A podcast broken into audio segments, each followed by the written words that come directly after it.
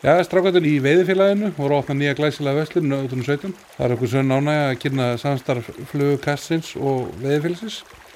Endilega renni við og náðu því ykkur í, í allt sem þið þurfu fyrir veiðina í veiðifélaginu 2017. Nú, já, já, sjötti þáttur að flugukastinu Sigþór, Hvernig er grunnað? Ja. Kæmist yngar? mig, Já, ok. alveg eins og síðan. Bjartsýnismaður. Já, Bjart sínis, sem betur fyrr. En eh, eins og fyrir dagina þá erum við nú komið með, já við erum nú eiginlega ekki bara með hæng, við erum bara, það er bara full lestaður hýlur, við erum með, Viltu meina að liggja rigna utan á honum? maður veit það ekki, sko, en, en það er allavega tveir delar í, í, í, í hýlnum. Þeir delar heilum, já, þeir geta svo reyðist um það hvort sé rigna. Já, gæti verið, sko. Hverju hverju erum við með hérna, Sigþór, í dag? Við erum í fyrst skipti með, með tvo viðmælendur og Já. það er einfallega út af því að það er ekki hægt að slíta þau sundur. Nei, þeir eru uh, víst óað slítanlegir. Já, þetta eru Hrafn og Óli Ágústinir, betur þetta sem kattisbræður, Já, betur þetta sem kattisbræður. Já, vel, takk fyrir, takk fyrir velkomin og hérna við kannski bara byrjum á Já, er, okkur hérna Söss, velkomni drengir Takk fyrir. Takk fyrir, er gaman að fá okkur og takk fyrir að gefa ykkur tíma. stórkostlegt. Hérna, við ætlum aðeins að fara yfir svona ykkar, ykkar veiðisögur. Þið eru fættir uppaldir í, í Reykjavík, eða ekki? Jú, jú, Í, í lögadalum, laugarnesinu. laugarnesinu, það er skarra rétt. Þetta er betur. En hvar, hvar byrja veiðin? Byrja líklega á bryggjunni. Já, Það er sundahöfn. Já, sundahafnin. Það er sundahöfnin Sundahöfn? Sér frægi hilur. Hann er lengur hann. sko. Er það? Þetta er nú ekki verið, það hefur nú ekki verið neitt gott gúan á reynsli í hana eða neitt svona. Þetta er nú, Nei, þetta er frekar, frekar rýr hilur. Það, það var betri hilur hérna sem var tekinn, sem var hérna á laugarnesinu sjálfu. Þar var gúan á. já, Já, já. ég held að ég hef líst í einu þetta að faðið minn hafi stund á það að ég sko þangur til að En þetta byrjar hérna, bara, og svo færist uh, á Þingvöll. Am og afi áttu sumabóstaði já, og við vorum sendir þar í geimslu á vorin. Sótt, sóttir á haustinn, já. sem var alltaf bara stórkostlegt. Það leist út eins og beljanum bara. Já, já. Mamma og pappi komið sólbrún heim úr ykkur auðvitaðlagsferðu og við erum búin að vera við þingvallavarni allt sem er. já. En hva, hvar við þingarlat? Hva, hvað er sögusvið? Þau voru þarna við miðfell, þarna austamegin í vatninu. Já, já. Og Ok. murtur, murtur veitar fyrst, bara staðið og, og veitt á flug og flótholt gekkja. og komið með í soðið. Allir áttum hundleir á að fá í soðið. En náða að halda kúlinu þannig að þetta var alltaf stemming að mæta með plastboka fullan af fiski. já. Amma alltaf stolt. Hjá strákunum. Og þið alltaf bara með eitthvað svaka byggar Og svo eitt og eitt ævintýrið, það tók einhver stór bleikja og Mm. maður misti hugsaði ekki manna í marga mánuði og allt þetta. Ég er ennþá með þessu hugsa meina, ég misti þarna sex ára. Já, já, nei, þetta hefur verið Já, metra með laugnana. Já, já En, Hvenar, hvenar kemur flugan inn í þetta? Hvenar, fluguveiðin? Þið eru þarna að si- sinna þessu að miklu móð á flótólti og flugu í þingallum? Já, ég er hrapp, ég er aðeins eldri nóli, sex árum eldri nóli og ég man bara, ég var náttúrulega að tala um það hérna fyrir podcastið, ég man ég var með flug, hérna flotið og ég sé svona fluguveiðmann með flugustöng móka fi- fiski og miklu stærri fiskum heldur en ég var að fá.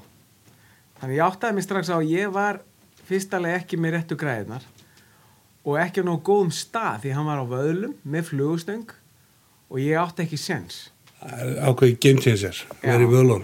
og afi átti við bústað bambusflugustöng og svona opna línu. Já, bara svona silkilínu eitthvað. já, eitthvað svo leiðist Ég ekki bara upp á vegg. Já, Já, og, og ég fekk samti við afa um að fá að prófa þetta og þá var ekki aftur snúið. Þá hérna, já, þannig fyrstu ég er náttúrulega bara svo fornaðar að tala hérna ég var að veiða á bambustöng og silkilínur leikjur í þingvallaðarni Þú ert ekki svona gamall maður, sko, að vera að vera með þessa græður í Já. milla handana. þannig að hann byrjar þetta og, og, og svo kemur Óli í kjölfarið 11-12 ára, við fækki fyrstu stöngina. já, Já, Eitthvað, svo aðalegt prigg sem ég notaði mjög lengi síðan reyndar. já, ok. já, og við erum aldrei svona sjálf aldir því að það, pappi var ekkert mikið í veiði að við erum sendið Sigurd pappan, Ólir Haraldsson, ég er Ágússon Nú, ég afsakaði á kynninguna henni í byrjun.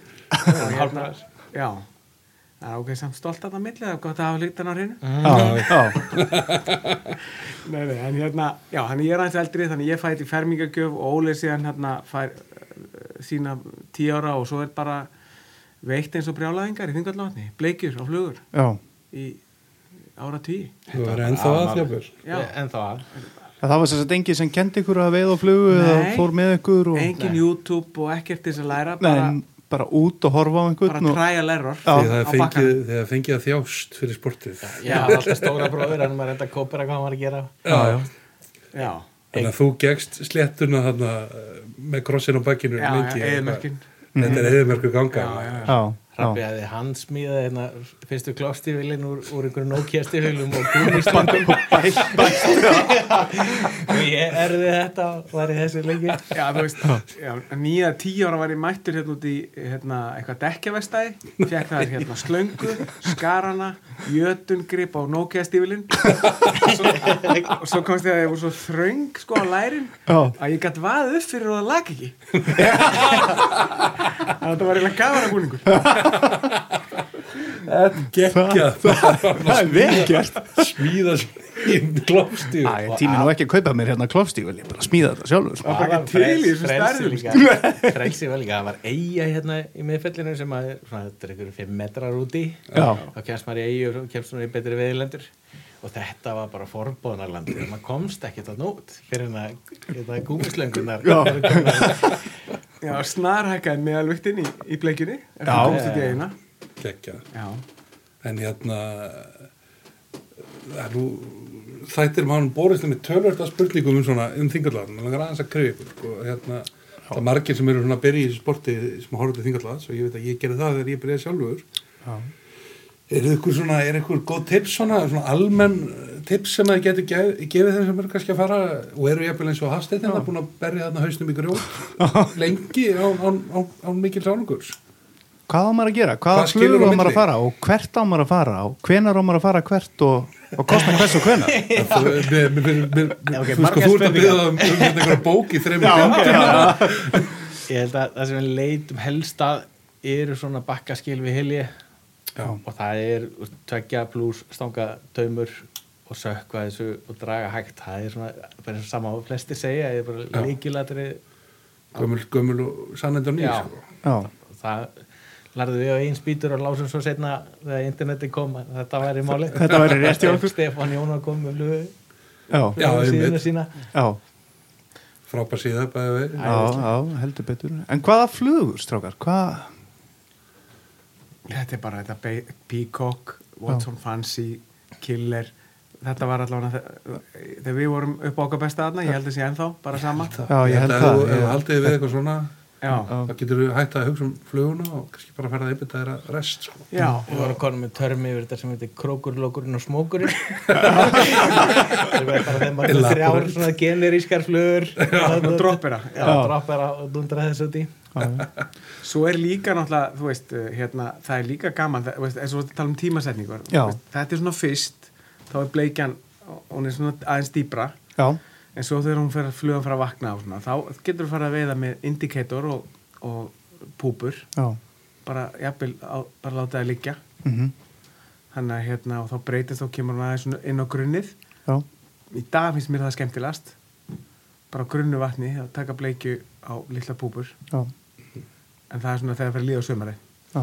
Okkar er upplifin, júli veiðin sko. Með, með tökuverðan þá. Já. já, Indikatorinn. okkar upplifin er þetta sé mikið sörkjuleisun á bleikinu og kemur úr þessum dýbri heljum og fer aðeins inn á grinnið og aftur úti. Þannig að það er mikið tímasetning ofta líka hitt staði sem er góður er, er ekkert að gera í tvo tíma þá veit maður að hún er í þessar sörkjuleisun og getur prófað að fara eins inn á grinnið. Mhm. svo kemur hún aftur og sarna saman í dýbri ég veit þarna sjálfur svona í gegnum og mér er alltaf þótt best að vera mættur svona um 6 á mótnana og vera til svona 11 það er æðist að sérstaklega maður mætir í vinnuna það er Já, en, en sko mér finnst oft bara svona að vera á daginn finnst mér bara eitthvað það geta bara verið heima á mér eitthvað ég, eitthvað hérna- tilfinning ég heyrði, já, ég heyrði ágætis kenningu um þetta með þingvallarni að því eftir sem líður á sömari því fyrr um morgunin er veiðin, besta veiðin. Mhm.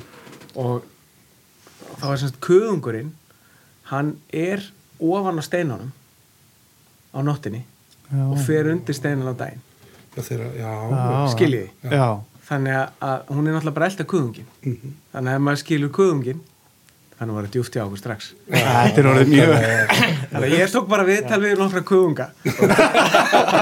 Og hugsaður eins og kuðungur að vera, vera kuðungurinn. Vera daldi kuðungur. Það er líka, þú ert í, í mánamóti júni, júli í þingvallavatni. Já, klukkan er um 12, það er komin 15 steg hitti, þá er náttúrulega byrjar allt að springa þá er ofgnótt af fæðu. Algjörlega. Það er kannski betra að vera einn á, með guðungana og á steinorum frekar en að vera einn guðungur í ykkur graðgani að, að, að öðrum flugum. Já. já. já, þetta er sko þetta er alltaf æðislegt að hafa þetta vatn hérna með það er þessari- stórkostlegt sko. En strákar, sko. staðirnir hva, hvert, hvert á að fara á Það er þingvallavatni, og það, það, er, það sem að þú finnur eitthvað svona dropp er, það er bara alveg sama hvar það er já, ekkert- líklega sko. við erum náttúrulega mjög hlýðhóllir það sem við erum aldrei upp og við þekkjum hvernig einsta stein þar og hvernig einsta heil þannig Já. að það, við erum kannski ekki að fara að senda massar þanga Nei, við erum enda ekki- líka Nei. óþarfi já, já, það ef vatnið er gríðastórt Þegar við tek, Já. tekjum slurki í þjóðgarðinum og, og, og erum að upplifa alveg sömu hluti þar sko. Já. hitti bara heimatökin okkar Já, og svo er náttúrulega eins og það sem hún fer að þræða fyrir tanga og svona einhver ég, held, einmitt, ég held að besta á vorin þú veist, ef maður skoðar þingu allavega það er grinst þarna í þjóðgarinn þannig að það hitnar fyrst. Þar þar þannig að hann er náttúrulega rosalega flott veiðisvæði. Og þannig að, þú veist, maður er alltaf æfi að stúdra veiðistæðina í já. þannig að það ég er held að þétt setnir eitthvað. Svo Já. já, já, það er svona helst að vandamálið kannski með það. Já. en það er þetta, þetta ef, maður, ef maður hefur áhuga að finna önnu sveiði og tala um bændur og kaupa sinn já, já, algjörlega og svo, náttúrulega, þú veist, urriðavegin hefur náttúrulega breytt þessu líka menn eru náttúrulega mættir í hann já, já, já. Það, þegar við erum erlendis frá til þess að veiði þjóðgarinn já, e, og veist, þetta er búið að breyta öllu sko. já. þetta er ekki sama vatnið og við veitum í sko. Nei. það var aldrei urriði sko Nei. við veitum aldrei urriði, aldrei ég á nú einhver að mynda þér hérna fann á tímarit.is Já. hvað, 76 eða eitthvað, þá orðum með eitthvað já, nei, nei, það var líf, það var ekki við settum þetta bara upp til þess að búið til nei, nei, jú. Það var eitthvað 15 punda Já, það, var, það, það var ótrúlegt dæmi. Þá hafði ég aldrei veitt urrið það. Ég, við kannski fengi einn og einn uh, veist, á fimm ára tímabili, kannski pundsfisk. Já. með svo, devon. já, svo fyrir hérna uh, svo er ég stattur bara í veiðibúð hérna í bænum. Og Jón Aðalsteinn hérna vinnu minn þú mér kent mér ímislegt í veiðinni. Og veiðmaður já, hann, er, hann er stattur í búðinni og gefur mér hann streamer og segir hérna þú ert að fara að taka urrið á þennan í þingvallaðni og ég, já, já, einmitt. Ég er einmitt að fara að gera það. Það er aldrei veitt urrið að í þingvallaðni áður. Tek hann með mér sett hann í, í hérna flugubóksið mitt og hann var þar í, í einhver tíma. Svo dreymir mig þennan streamer. Þetta er bara nákvæmlega svona sem þetta gerist. Mér dreymir hann streamer. Og ég, þá var ég upp í, hérna upp í bústað Já. og ég sagði ok, ég ætla allavega að hafa hann með mér. Til öryggis? Já, í vestinu. Sett streamerinn í vestið. Og ég sé hann að veiða bara á, á gamalkunnum bleikjuslóðum. Mjög gaman, sett í bleikjur og svo sé ég að það er svona smá gára. Ég sé að það er eitthvað skrítin gára á einum stað. Já. og ég hugsaði ok þetta er eitthvað, þetta er ekki eins og að vera. Já. og ég set streamerinn á og það tekur þessi hvað ætla að segja, 80 eitthvað, rúmlega 80 cm svona 13, 14, 15 bunda fiskur. Tekur hana um leið, neglir þetta og, og þú veist, þegar þú ert að veiða þú er aldrei fengið urrið að, e, þú veist, þessari starðagráðu þetta var náttúrulega bara algjört brjálaði sko. og þetta var svo að festa í flutningabíl á 60 km hraða og, og hérna og þessum tíma þá tók maður allt í soðið þannig að hann var lamin í hausinn og hann er stoppaður upp og er upp í bústað í dag. Hann var ekki í það er nú Hann er sagt étinn. til bara á spjaldi. Ég held að þetta yrði eini urriðin sem ég myndi veiða á æfinni í þessari stærð. Já. En- skiljanlega Já, Það er nú en svo kemur þessi bylgja svo kemur þessi bylgja eftir þetta er 98 já. og þann var 98, ruggakliftur ég sagði þetta var 76 ja. þá er ég sem sagt 7 ára.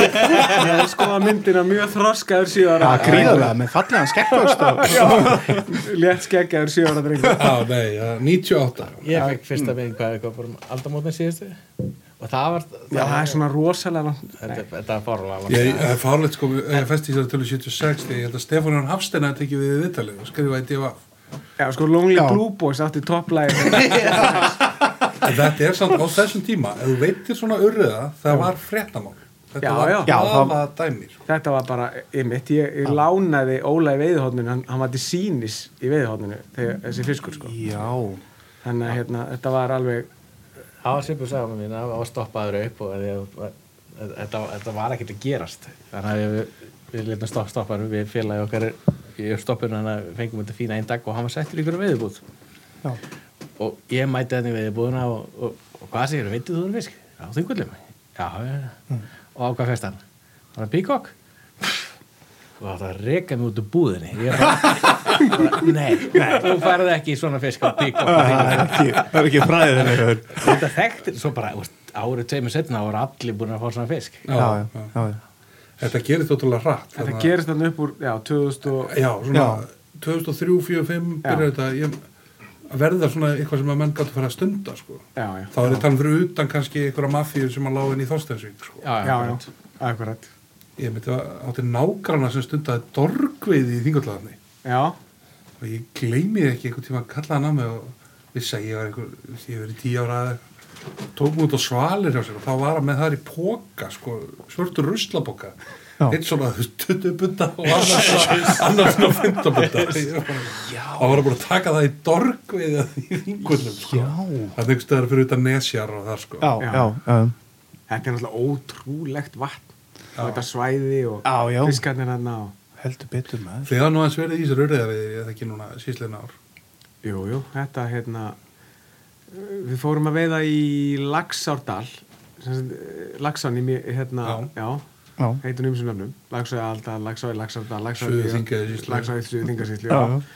þannig að 83 svo við sem ártölunar hrein 76 fer ég með fer ég með Þú er komin ans sem nála 76 Já, þá fer ég með, fer ég með fermingastöngina og hérna Og gúmi, gúmi í stígvelinni? Nei, ég hérna ég var búin að fá aðeins betri aðeins dýrar útgáfuna Ég var auðvitað með gúmistífur Hvað hvað var að búin í? og hérna, við vorum að rífa þetta mitt upp á hann að hérna, þarna byrjum við að veði í, í Laxádalum Já. og fyrir með fóröldrum okkar í svona skemmtiferð hjá fyrirtækinu sem veiði Já, já. eins Meira og um það er skemmtun. skemmtiferðir hjá fyrirtæki með til að snúast. Og ég, hérna, þetta er aldrei skemmtilegt. Ég man eftir, sko, því, þú, ég var alveg upp í þingvallavatni og þar fekk maður 10 möstur og, og, og, og 15 bleikjur og, og þetta var allt í þessum.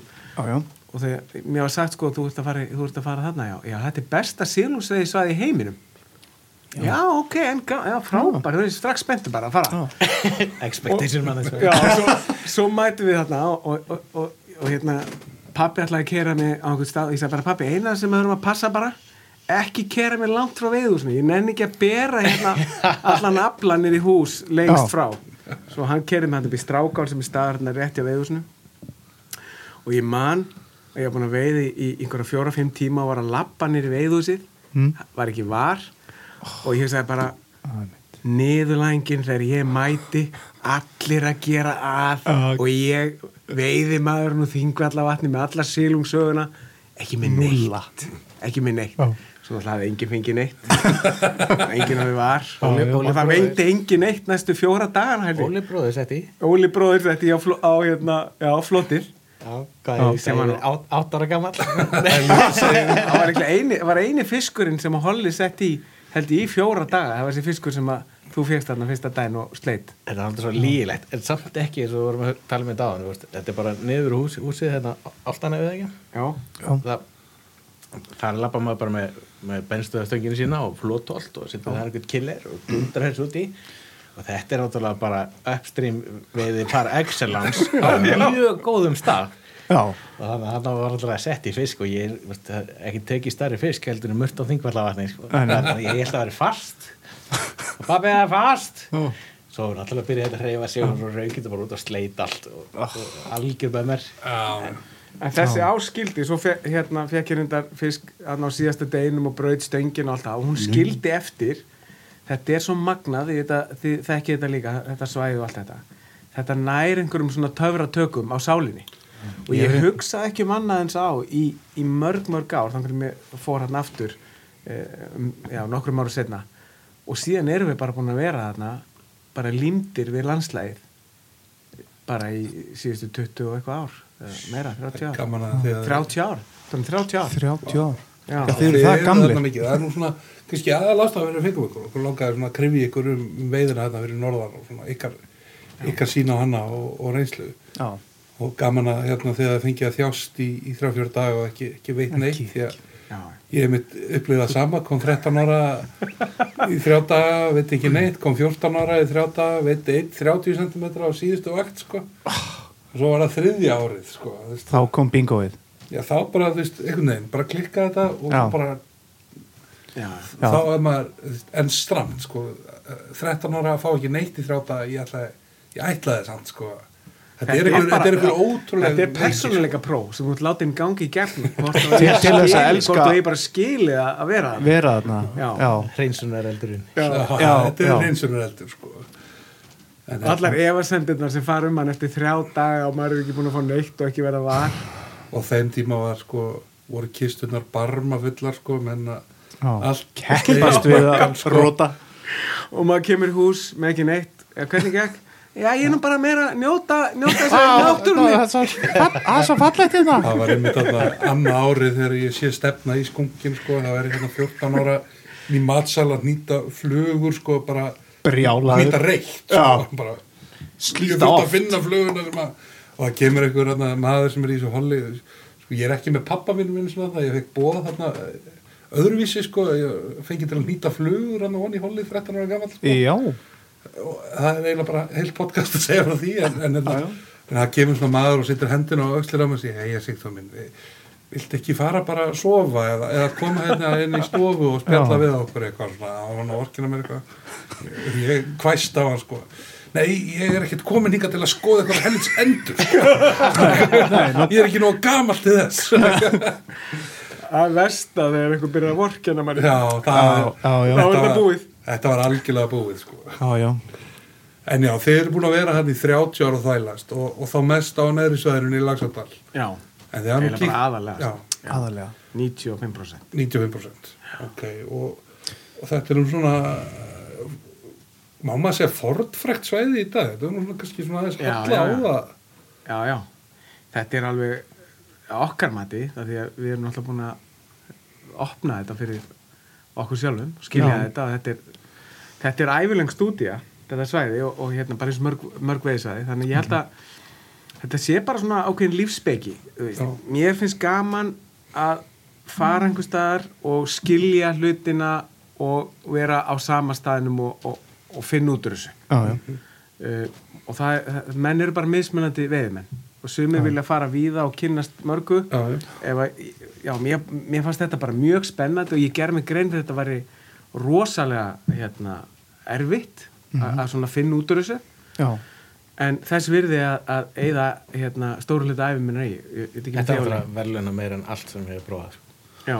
er, þið, eru báðir með, þið eru báðir alveg í þessu. Þið bara vilji vera þarna þið elski þetta, læra á ána og bara þetta, þetta er bara heima fyrir okkur. Við, hvert einasta, einasta sumar þá erum við að safna nýjum veiðistöðum og nýjum upplifunum og, læ, læra betur á hvern og einasta stað þarna í og, Já, bara hegðunina, bara hegðunina í lífríkinu og fiskinum og þetta dýfkar bara hraðar og meira eftir svona skilur meira og, og meira spennandi. Og svo náttúrulega veiði aðferðnar að, þú veist, að læra inn á þurrfluguna Já. og læ, þú veist, það, það er hérna algjöri snillingar sem hann náttúrulega hafa við erum að feta í fótspor eins og hérna, Jóna Alstedt kent okkur með þurrfluguna. Uh, Áskir Stengrim sérna trompetleikari hefur sínt okkur óteljandi vinkla af þessu og Bjarni Höskulds. Þannig að þetta eru svona lærifeðurnir sem að já, e- eru búin að opna fyrir manni. Þannig að maður þarf með þetta svæði maður þarf einhvern til þess að opna þetta. Já. þetta er þetta er svo mikið, þetta er svo stórt og mikið og veiðstæðnir er erfitt að finna þá. Þeir eru svona duldir og þeim gera þetta mjög spennandi. En, en, en maður þarf helst einhverja svona lærifeður til þess að koma sér að stað. Já. svo þegar maður fyrir að skilja þá er þetta bara daldi blátt áfram og maður er að uppgöta og, og, og njóta sín bara já, Þetta er ótrúlega, ótrúlega skemmtilegt svæði. Ég hef nú ekki veitt þarna kannski oft en ég hef nú komið þarna fjórum-fimm sinnum og það var einhvern veginn sko já, mér fannst þetta svolítið opnast fyrir okkur félagunum bara núna síðasta vor þegar við fórum.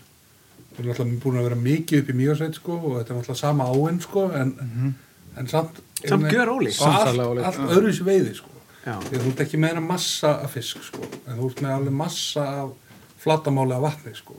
Já. og hún er, Já, og- hún er grinnri. Þú getur vaðið hann allan á flestum stöðum sko. Þetta er nánast allt þurrflugu dýr bara Já, nýja í mitti já. Já, algjörlega sko. En um leið og maður einhvern veginn gley- samfæri sér um að það sé fiskur allstaðar því að sko Guðmundur Smári hérna, Já. líffræðingur sem veitir kannast þið, hann sagði mér einhvern tíma sko, hann er lent þarna í, í svona einhverjum príma aðstæðum í júli þar sem að hann sér að byrja bara allir fiskarnir í ánni byrja að vaka á saman tíma Mhm. þá átti hann sig á því sko að það er ekkert lítið að fiski í, í lásadalum sko, það er bara kannski erfitt að veiða hann sko Akkurat. Stærri, hann er meðaltali stærri fiskur, þessi meiri Já. hann, hann hegða sér öðruvísi, en, að, en hvað breytist það? Því að þú veist, þú þarft ekki að fara nema bara já, 20 ára aftur í tíman þá er veiðast þarna rúmlega 2000 fiskar og fer niður í 400 fiskar Þetta er rosa pólitík. margar kenningar og pólitík í þetta Já. ég, Já, minn, ég- ken, minn kenning er náttúrulega að það var verið að sleppa í þetta á tímubili já, og upp að hvaða 98 eða hvað Já. það það hafi bara verið bústar tölur lengi ég held að núna sé hún eins og á að vera og hún er æðisleg Það er og svo náttúrulega af fiski. hægt að sleppa þá heldur áfram að drepa líka. Já, svo þetta eru sko, að að að þú lístir hérna alveg rétt, það er þetta vaðan alltaf og það er svona ákveðin bylting í veiðinni bara þegar að menn fara í vöðlur. já, Já.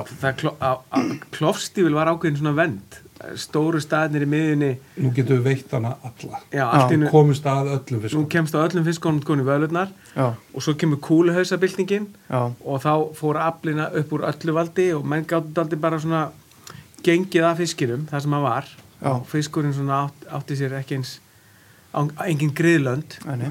þannig að, að það, svo er farið þarna út í, að- út í það núna fyrir hvað tveim, þreimur árum síðan að það er öllu sleft en nei, það er meira fleira ár síðan og, og nei, það er ekki, það, það er bara búið já, er það er það ekki bara eitt ár núna sem Við erum bara búin að svo öllu.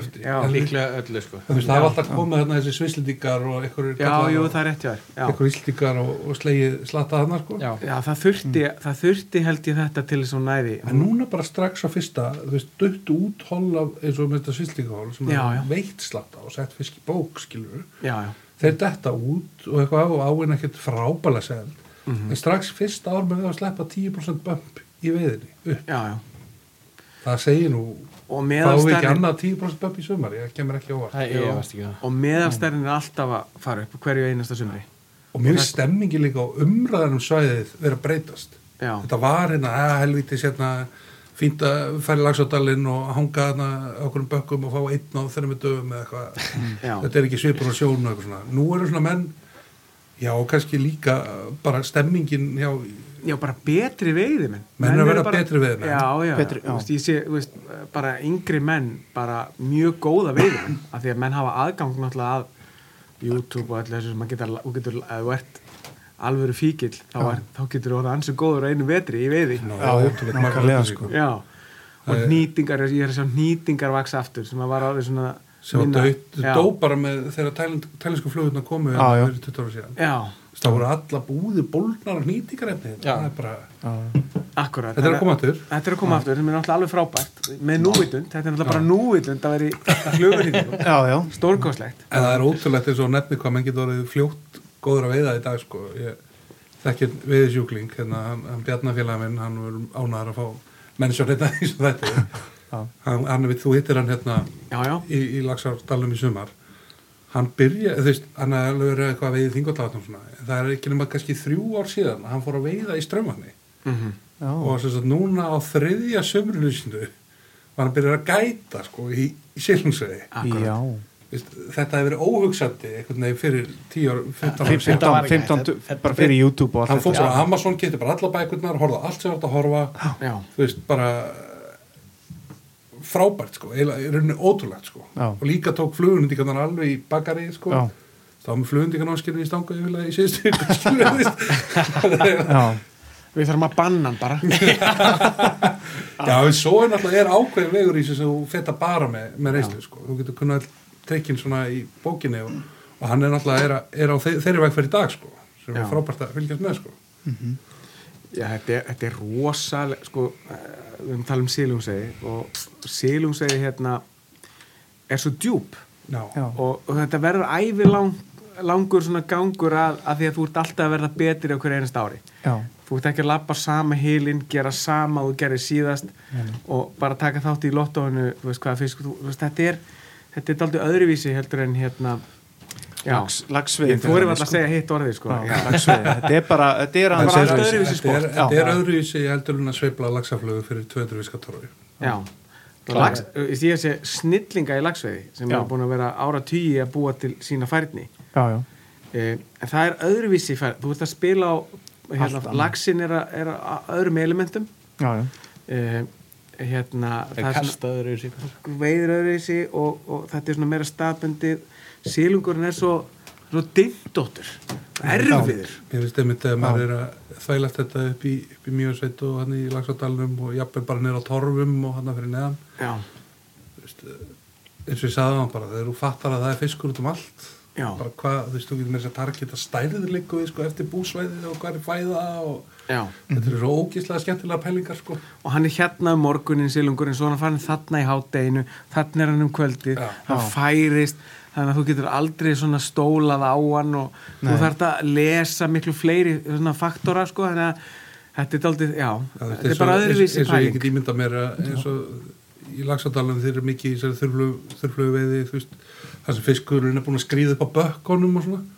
þú veist, það, ég get ímynda mér að, að það gerist ekkert fyrir hann bara áinn og eitthvað svona í lífuríkinu áinn búin að ná okkur um hita svona, þá fer hann úr djúpu lænunum og treystir sér upp á grunnið sko, og þessi svarti sandur sem að útlíkandi kalla black gold sko, Já. þegar hann hitna svo hratt og það klekst svo mikið líf úr honum sko. Akkurat, Þú eh, þú getur komið bara kaldu morgun og þú veist að það er engin fiskur þú, það var tíu fiskar að vaka að vera bakka í gær en það er engin núna, en hann getur komið inn klukkan tvö, skilur, þegar þegar viðspáðan segir að hitti verður orðin 14 gráður Fjör- eða eitthvað svona. akkurat þetta er, eh, já. Og svo líka bara hérna eins og með lífríki sko að eh, við, við kallum okkur hérna við vorum kallaðir kattisbræður af því að við vorum voru svo seinir í hérna inn. við vorum svo seinir í veiðhúsið af því að kattisinn, vorflugan hún er alltaf, sagt, hún fer í gang á, í ljósaskiptunum. Og þegar að menn eru byrjað að fatta það dæmi þá, þá verða menn aldrei samir.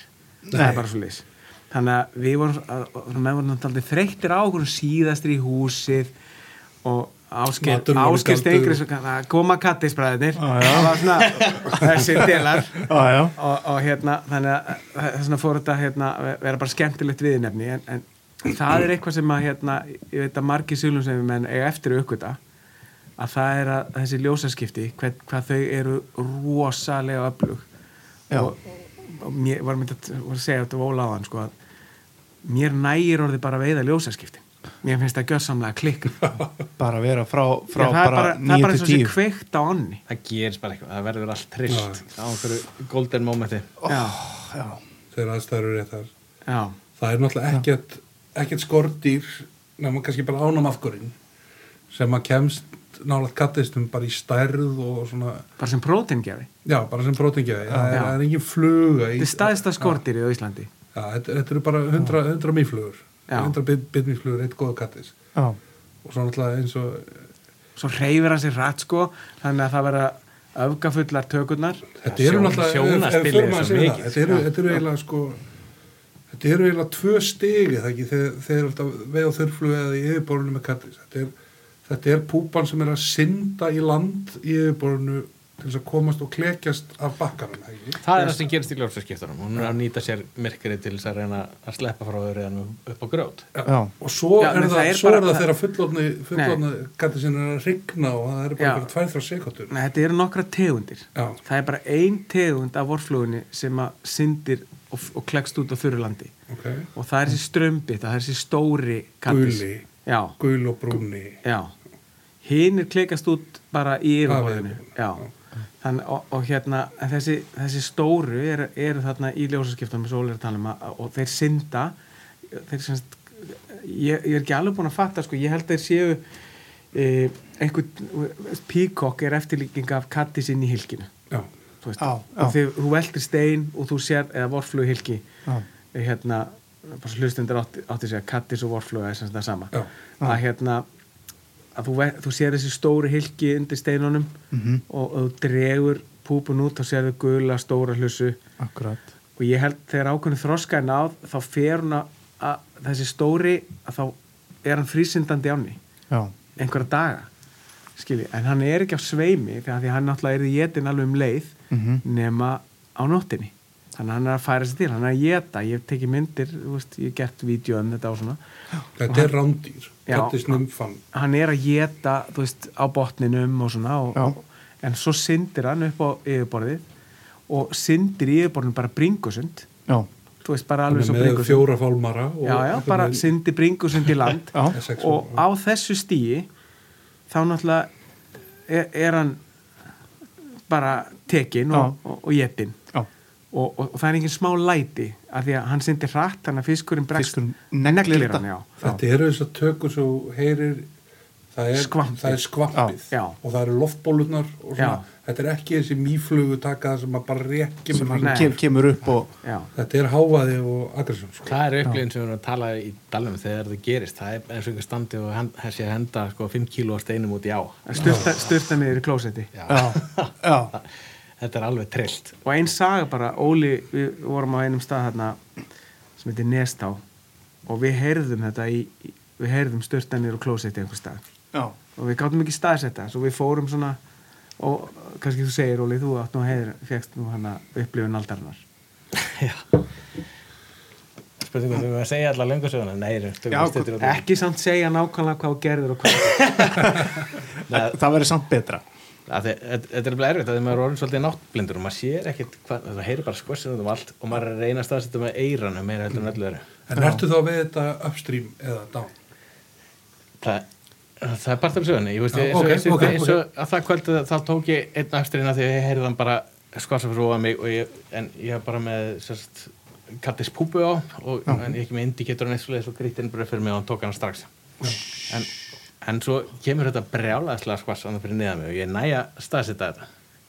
Og þá var ég með þessa sömu kattispúpu og það sem ég er búin að gera og gera nokkur sinnum síðan sem að virka alveg fáránlega vel þá kasta ég bara út í ána að menda upp og læta hann bara skauta. Hann, er- kannski metur frá bakkanum og svo skautar hann yfir og svo er þetta bara nelt eins og ég veit. Það er bara eins og Jaws, það er mættasvæðið. Og þetta er smassaði yfirborðinu og rifið út og þetta var, hvað var þetta stór fiskur?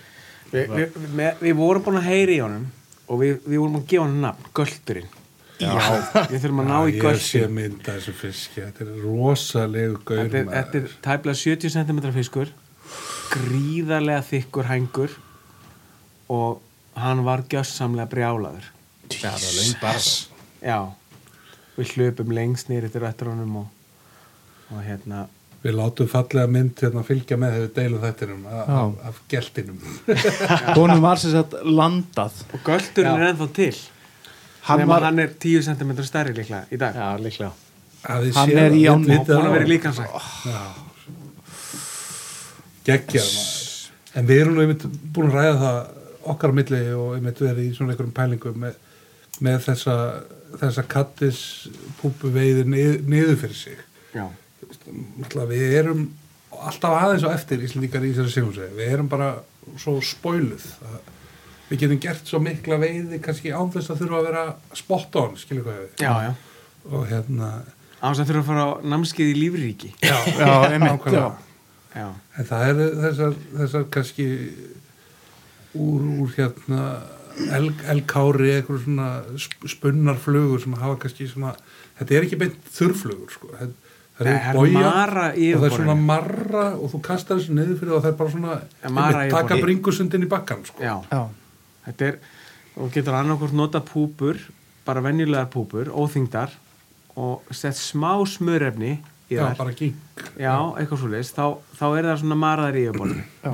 Það er allt í lagi að fara eins undir yfirborðið, þetta er bara þessu, þessu, þessu bili. það er á þessu Já, 10 cm centimetrum. 10 cm Bara skemmtilega að vera svona rétt undir yfirborðinu, bara þá kemur, þá sérðu tökuna og, og hérna, og farið fyrir allan penningin, sko. og hérna við Sigþór eigum eitt sammeilitt áhámál Nýtt áhámál og hérna tengd okkur saman, við hittust um daginn og við erum svona að smíða púpur.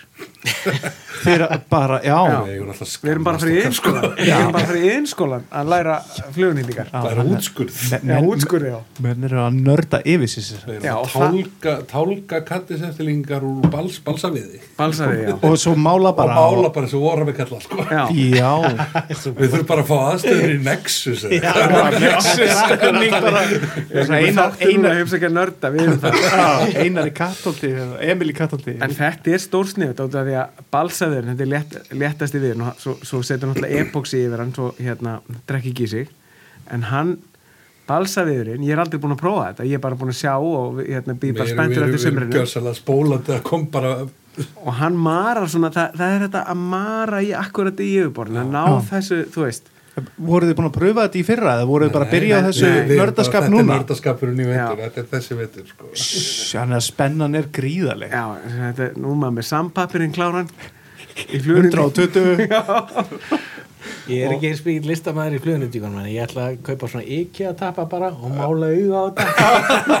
Og láta það döða en ef þið pælið, menn átt sé, sagt sko að- að hafa séð urrið að taka síkartustöpa já, Já. það Það er, er það er daldið þetta Þe, þeir eru náttúrulega sko stubbarnir eru náttúrulega þarna einhverju Sami litur. 2,5-3 cm sami litur já, já, já. já, já, það, Ég var að vitna því, hitti vera upp í lagsá já. að sjá urrið að geta andarunga í hópjastan dag Nei, já. það var ótrúlegt er það? Það var, þú veist, eins og gerist þarna oft þá verða þeir svona munnarlausir alltaf einhverjur ungar sko Já. Já. og maður lappar dánu og svo fæl, fældi ég svona andarunga undan barðinu sko. Mm. það er ekki veiðistæður en Já. bara ég fæli andarungan, hann fer svona skoppar að stað. Já, og ég sé bara undan saman kemur bara, þetta er, ekki, þetta er bara svona finnbytta fiskur bara svona meðal fiskur sko. Já, og hann glefsar í gæjan og dregur hann onni í vatnið maður. Og svo náttúrulega missir hann hann og andarungi kemur aftur upp þessu kortappi og reynir að komast í bakkan hinum megin. Og hann tekur hann sko, ég held að hann hefði náð honum í tíundu tilurinn Já, hann ætlaði bara hann, hann. hann geta náð honum eiginlega undir bakkanum já, hei. þetta, þetta var bara, bara í háttegin sko, bara í sólskinni og hann var er maður, þú veist, þið finnast í mögum og svona, já, já. maður gerir ráð fyrir að þetta gerist á nóttinni sko. Það er alltaf smá rígur millir Laxádals og Mjósveitar um stærð fiska. Jú, jú. Já. þeir borða svani nýri Laxádals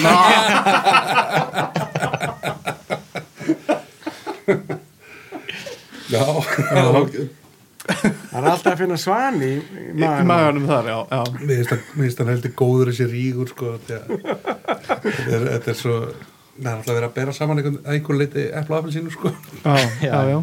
Já, þetta er að, já.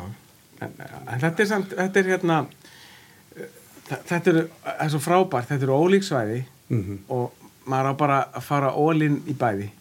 já. og neðstu svæðin af Og neðstu eru eiginlega dal, dalsvæði sko Já, og, og eru náttúrulega alveg geggjur sko eins og strákaflóin og, og, það, og það dæmi sko Þó, Já, já. og hérna og, hún er emitt, það, það mætast þar svæðin, hamrinum. og, og Nónvik sem að svo gengur kóp, kaupum og sölum eða ekki Já, það, jú, þau eru búin að færa svona á milli, þannig að menna að fengja að prófa og það verður allt brjálað þegar menn- Nónvik er tekið eitt ára upp í mýlasveit já. og sett svo niður og, Þetta er stór skemmtileg pólitík. já, já. En fyrir veiðmenn sem eru kannski að fara þarna bara í sumar sem eiga þarna, eiga, eiga holl og annað hvert eiga með, er, áttu bara að labba um alla ána og veiða eða eru, eru staðir þarna sem að þú veist, Þetta tala um í Laxádalum? já þú veist, farið þarna og verið með þessa flugur eða flugur, þú veist, þessar tíu flugur eigi að vera með í bóksinu og þeir eigi að fara á þessa staði Já, þetta er sko þetta er nefnilega þetta er alls ekki auðvelt. Nei, og, og hérna og ég mann fyrstu árin var maður nú bara að finna afleikjarna neyra áni sko. Það þótti, þótti bara heppin að maður fann svæðið sko. En það er búið að merkja þetta stangaðfélagi hefur verið dálítið duglegt í að merkja og, og hérna, þannig að það sé auðvitað fyrir nýja að koma svæðinu. En samt ekki nógu, Já. ekki nógu gott. þetta snýst alltaf ekki um veiði svæðið heldur akkurat veiðistæðin hvar að sveitur fluguna þannig að þú veist, það getur verið hvar sem er hvort sem það mer mertu veiðistæðir eða ekki. Eða ekki já. hann er þetta helst er að kannski fá meira hvernig heldur en hvar. Já. fá, já, fá Já. leiðsögn. Það er eiginlega bara hvergi mikilvægara held ég. Já, hérna- ég kom hann í sömar félagarnir og byrjuðum hann í, í stað sem heitir djúbidráttur já, og, og kannski ágætt bara svona það sem allan að gagnaðist okkur var bara þú veður út í, þú getur vaðið þetta hvort segja þessi eða ferjuflói eða eitthvað þessu stöðu sem við vorum að veiða á þetta Já, og þú bara kastar allstar þar sem einhver, einhverju ströymar koma saman bara einhverju púbúum það er ekki að vera svaka þung og bara tökvara til, til, til að byrja með, svona byrjandi. Já, bak við alla steina í alla ströymsauma og svona og svo bara lappari bara áfram upp Já. um það sko. Já, Ég myndi, ég myndi mæla með að ég var að koma nýr. Þá myndi ég mæla með að vera með streamer möllir eða eitthvað svona sem er í yfirborðinu. Já, það er kannski auðveldar og að því að hann kemur í þú veist, það er að staðsetja. Þú veist, Já. þú kemst yfir rosa svæði og horfir á hann, hann kemur ofta eftir honum því að hann er í yfirborðinu þá, Já. þá sér það ok, hérna er líf. Þarna, já, þarna ok, þetta er, þetta er greinlega hérna ætla ég að staldra við. Já, og þá getur þið skipt ef þú ert kanta veiða með púpu og getur farið það eða kannski sett streamer sem veiðir aðeins dýbra eða eitthvað. Þetta reyndist mér vel svona þegar ég var að læra þá var ég bara með svona möll, stóran svona möllir rektor svona sem er alltaf líka ógísla skemmtileg veiði. Frábælega gaman sko.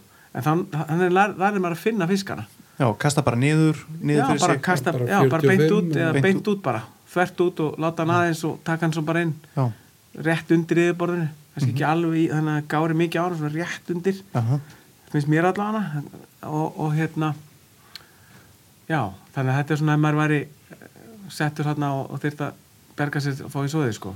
Já, en svo er, eh, bara eins og ég var að segja ykkur fyrir, fyrir þáttin, við erum hérna e, við hefum fengið menn til að sína okkur eins og ég sagði hérna, þrjá læriföður og það, það er það sem hefur gert gæfumuninn fyrir okkur.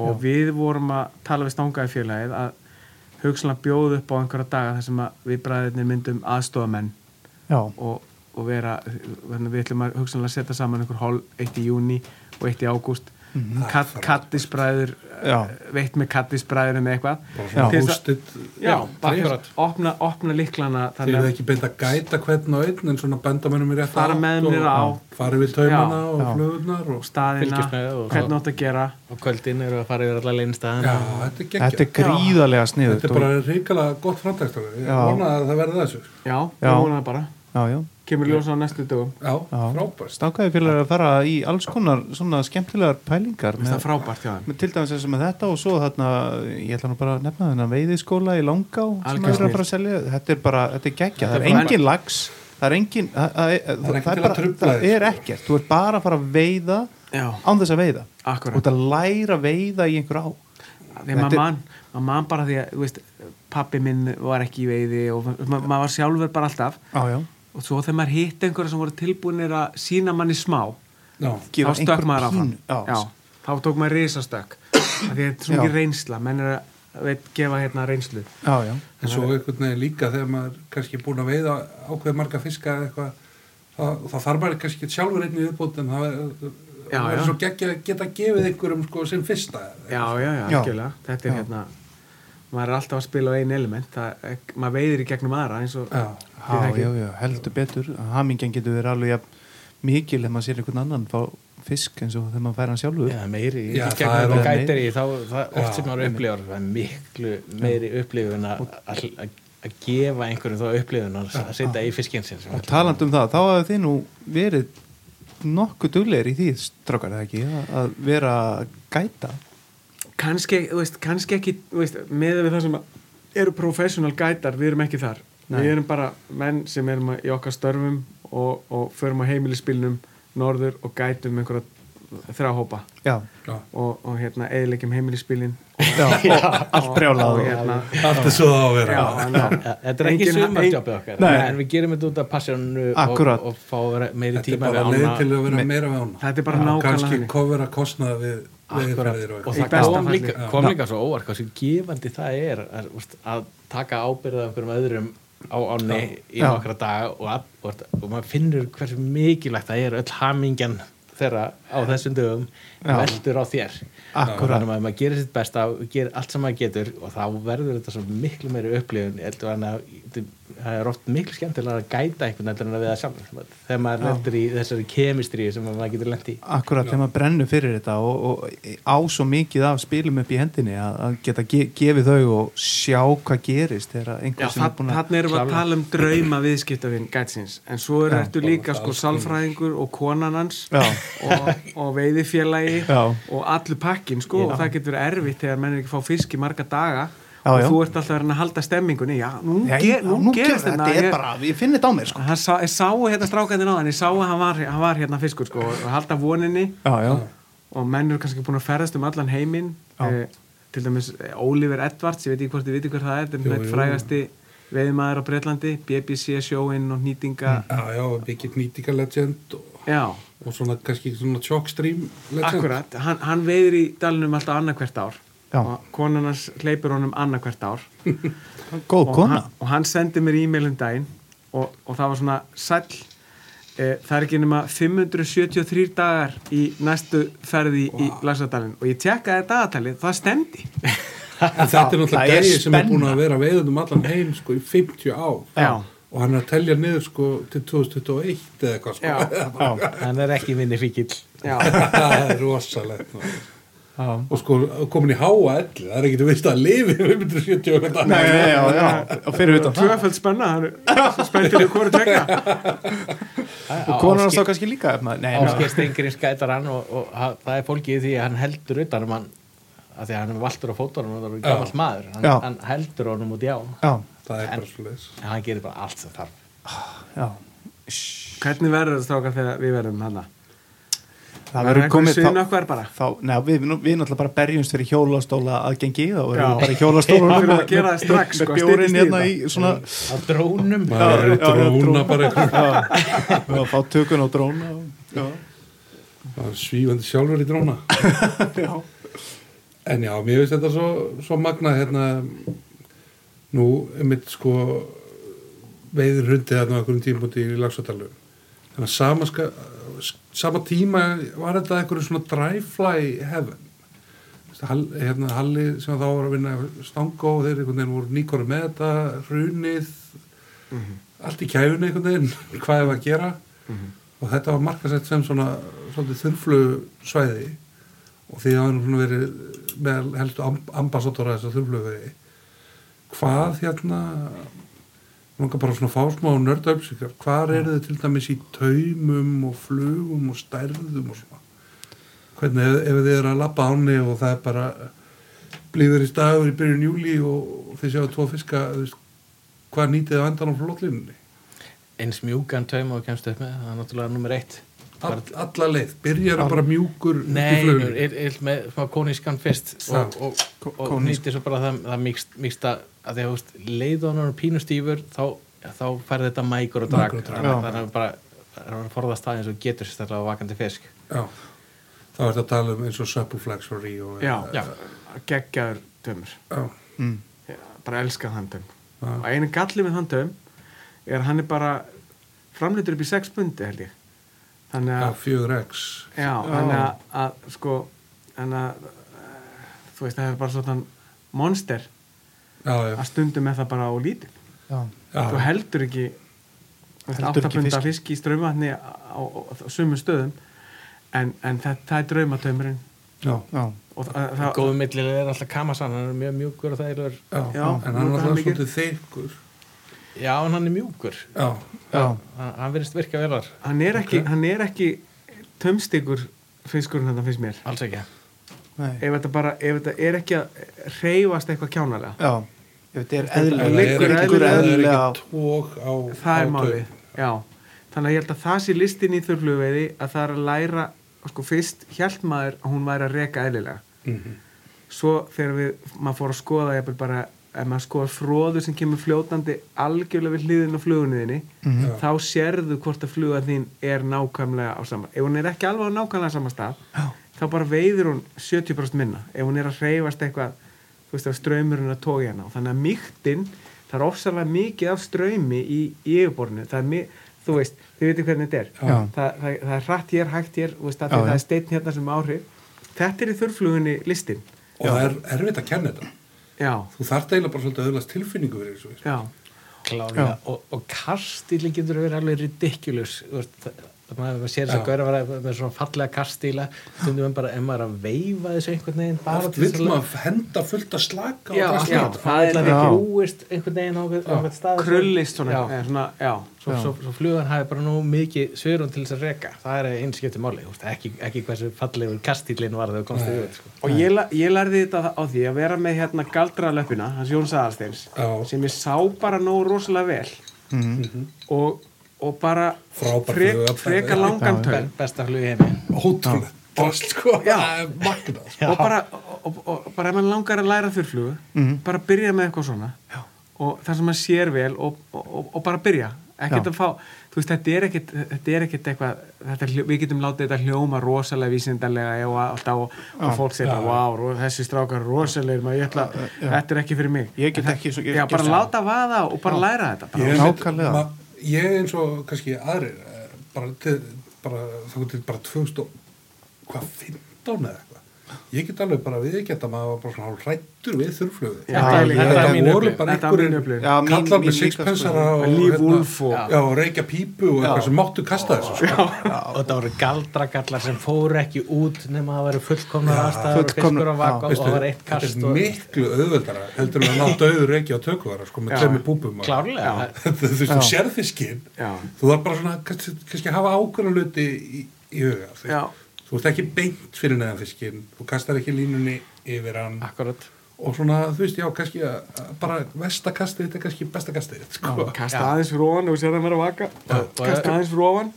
og ert með bara fína kamerasán og, og galdralöppina þá og vinnur bara í presentation þá ertu komin 99% af leiðinni. Fara eins nálagt fiskinum og þú mögulega treystir þér. Af því að kastin stutt og kasti stutt og svona og, og þú veist ekki láta hana sem sagt uh, línuna leggjast í, í beina heldur í, í, í bögunum já, menn er með alls konar tricks við þetta Já. þú getur til dæmis sko overextenda kastið þegar hún svona Hoppar tilbaka. eða Örlítið, þú, ekki eða samt þú gerir þetta kastar aðeins svona upp í það sem Já. kallar parasjút kasta mjúk já. Akkurat. Mjúk- Stundum kastaði vera mjúkur. Stundum kastaði til hlýðar til þess að fá hann til að sveiflast yfir Já, svo er já. gaman ef maður sé fiskar í sig neðan sig að kasta bara kasta bara úti og svo bara rúar mendar bara einhvern hauga Já. lín úti og svo bara sér það svona rétta úr sér og Já. koma neður af fiskum og ef og bara bang. og ef þú ert að veða niður fyrir því þá þarf þetta að býða þá þarf það að taka. Já, þannig og að þú mátt ekki nei, svo kemur ekki þú út mátt ekki út úr. Nei, en annars bara reysa, ef þú ert að veiða nú hlið eða frá ofan, þá bara reysur stöngin um leiðan er búin að taka. Já. engin læti, bara reysa. Þá ertu svona nokkuð en, en, en ef þú ert að veiða fyrir neða þá ert að býða þá til hann er já, Einmitt. allt lógist, skilur, þá tekur hann hérna Tek- framan, hún er hérna í efri vörinni á hann Já. og kipir henni bara út ef, það hún- er bara ef eins hún og er ekki að við að snúa lags í rauninni Já. já, já, já, já. Heru, þarna verður einmitt, það verður einmitt hægt að kaupa allar þessar flugur er það ekki í veiðifélaginu þeir verða með, jú, mitt í sumar ætla að vera með þessar helstu og það þarf að með þessar galdalöp heldur betur, við vorum að heyra það já.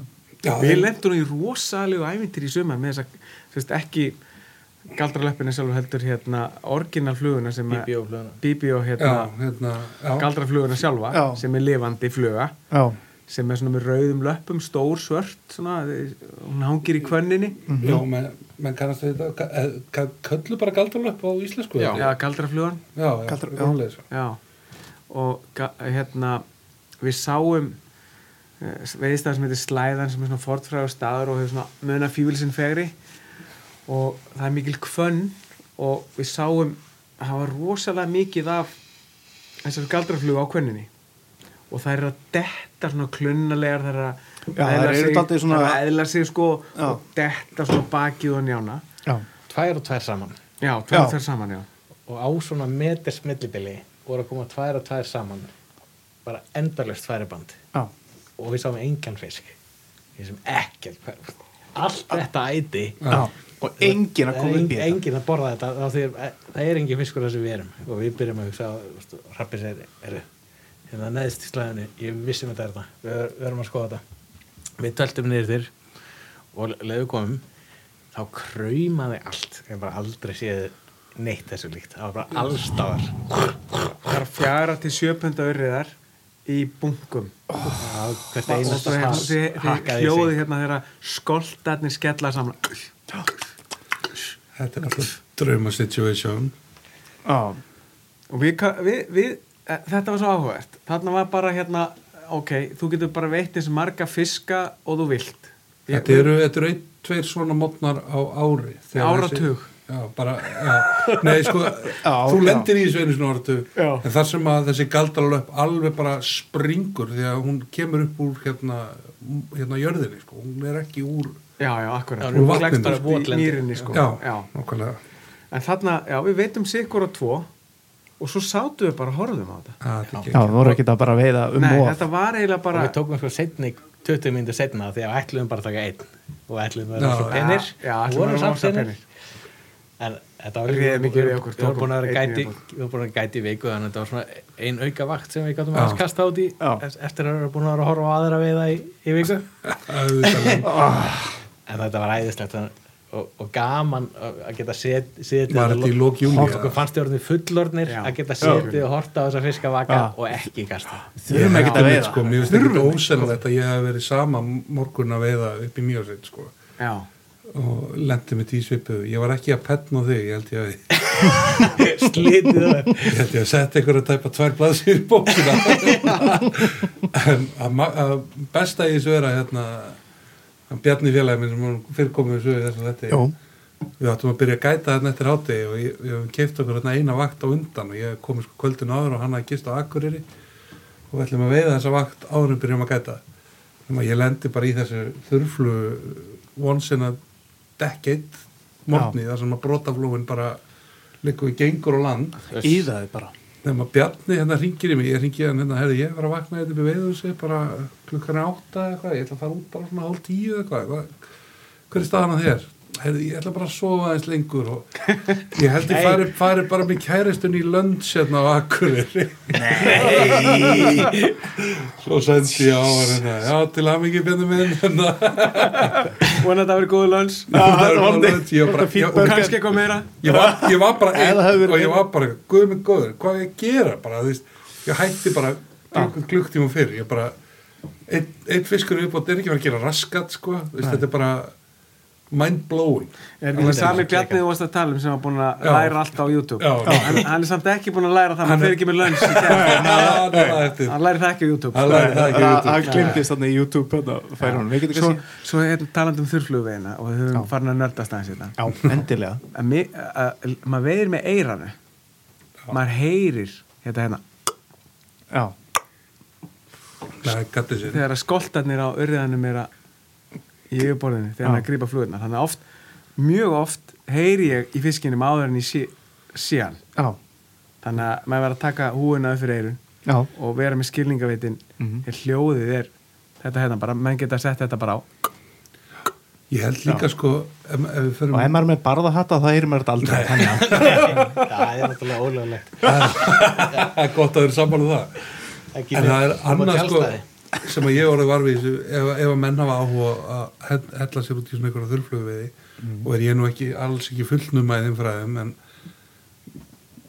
að að spotta rísatu fiska sko maður, maður er svo vanið því kannski um einhverju vatna við að bara, það er bara stór ringur eða þú sér Já, já. skoltin eða Já, já.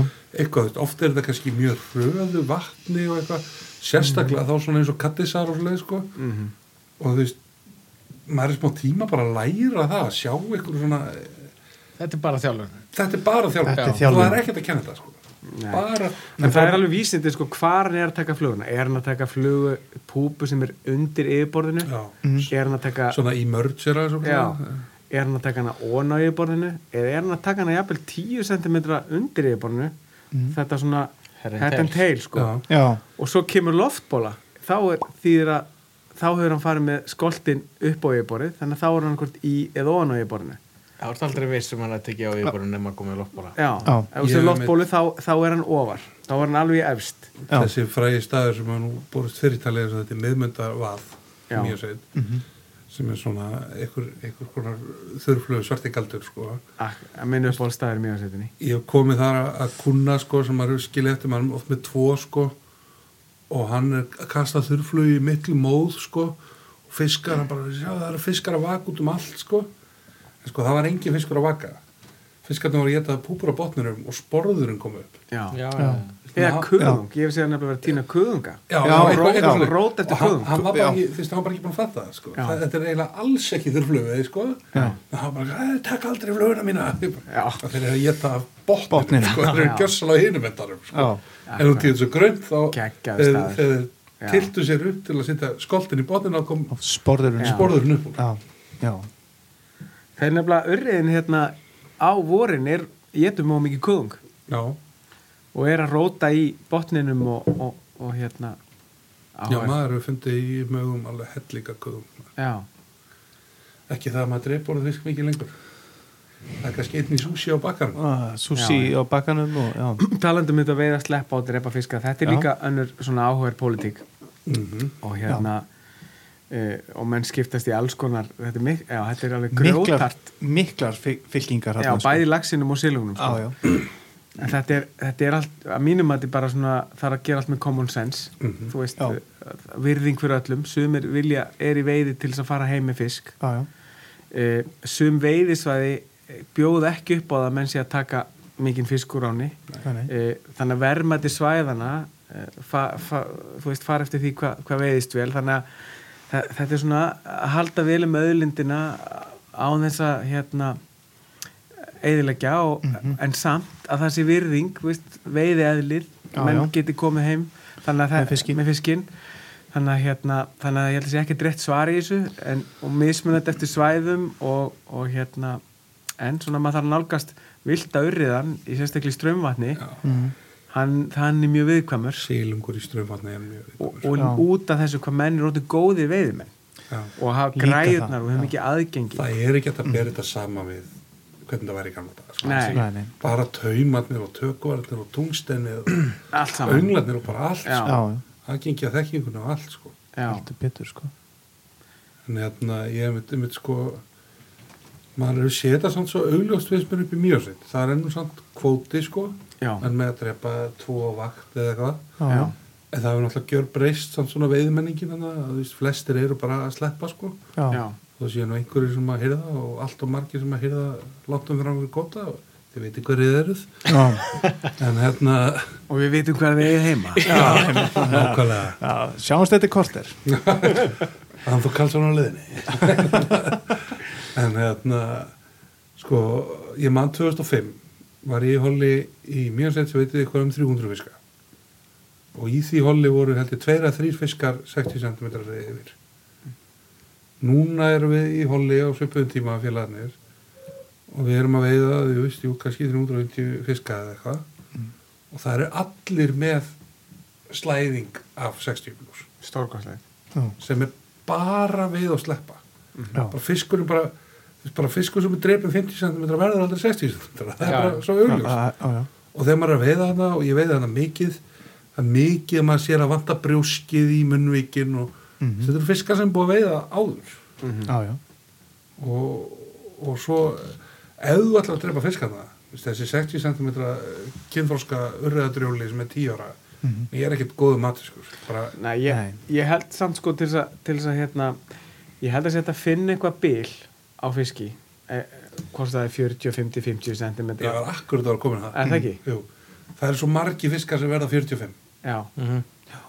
Og, það, og eru bestu Já, fáður tvo þrjá silfraða svoleiðis maður og það er þeim á alveg, Ekkert að að hafa eitthvað svona bil það það sem að er tekið, ekki hrygningafiskinn Mhm. þú veist, þessa stóru uh, þannig að hérna já, ég, ég held að þetta sé svona eitthvað sem ég held að allir getur sæst við að því þetta, það snýst um að, að allir fái uh, út úr þessu það sem Já. er að leita eftir Og líka draumafiskinn og Já. stærri, stærri Akkurat. fiska Já, og fleiri þetta. fá Fleiri- draumafisk. já, já. akkurat og líka þessi sem að vilja koma heim með og fá sér súsið og þetta. Þetta, hérna, svo veist sjá að- öll sjónamið Þetta er, þú veist, og í góðu ári í mjög sett getur 48 cm fiskur verið sko 3 pund.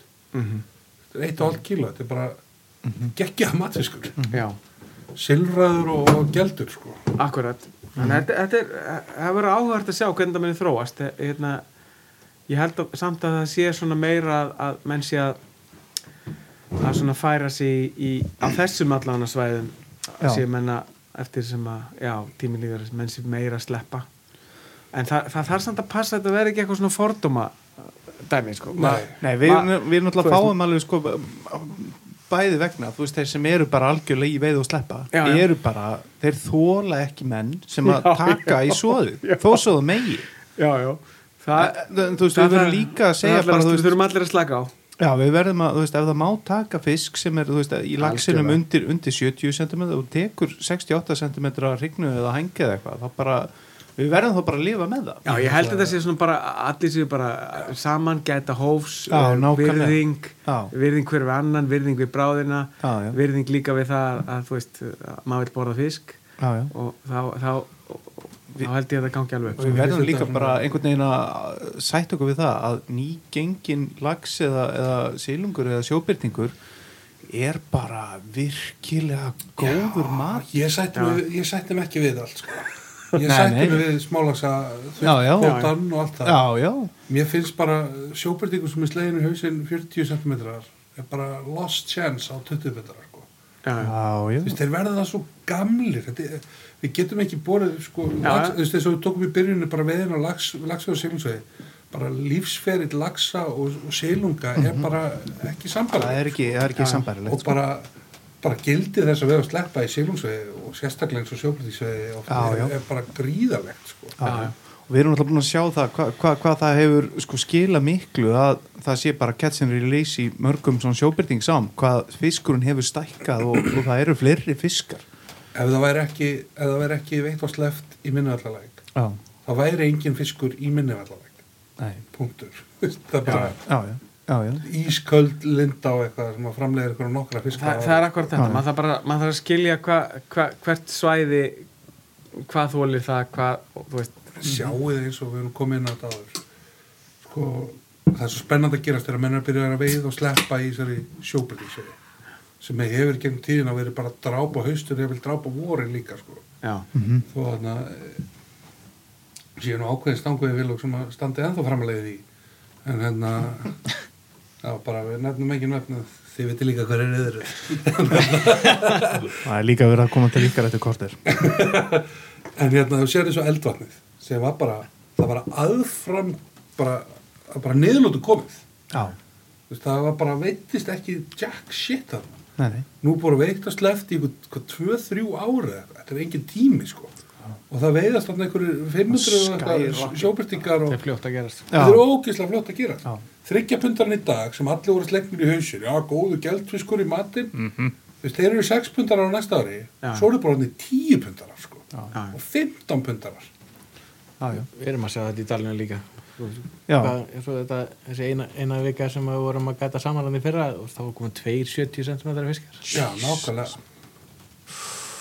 Þetta er bara lengt að fórsíðu blaðana fyrir já. þannig að, Já. já en þetta er, er rosa áhugavert að sjá hvernig þetta er að þróast og, og svo er náttúrulega önnur umræða með lagseldu og það, ég ætla- veit ekki hvort við erum eins og Nei, við þangað hérna- hvort við- erum ekki bara að hafa þetta skemmtilegt? Það- Við- við ákveðum höfum það- Já, við, erum- við erum búin að tala um það svona- áður í, í þáttunum að við, við fórum reyndar aðeins inn á það með Eliassi hérna, Þriðja þetta. villi, villimanni í þriða þetta að hérna, fórum við aðeins inn á þetta en við erum alveg búin að ákveða það við ætlum maður verða ekki bara reyðir ef maður hlusta á þetta podcast í bílum maður verða bara reyðir Já, við ætlum aldrei að tala um, um við ætlum ekki að tala um lagseldi í sjókvíum. Það er bara Það er að hlusta á Rosenbauer podcastið hans og hann var að segja við, við viljum alltaf reglulega gera svona conservation podcast Mm. Og þá segja hann að hlustar enginn á það.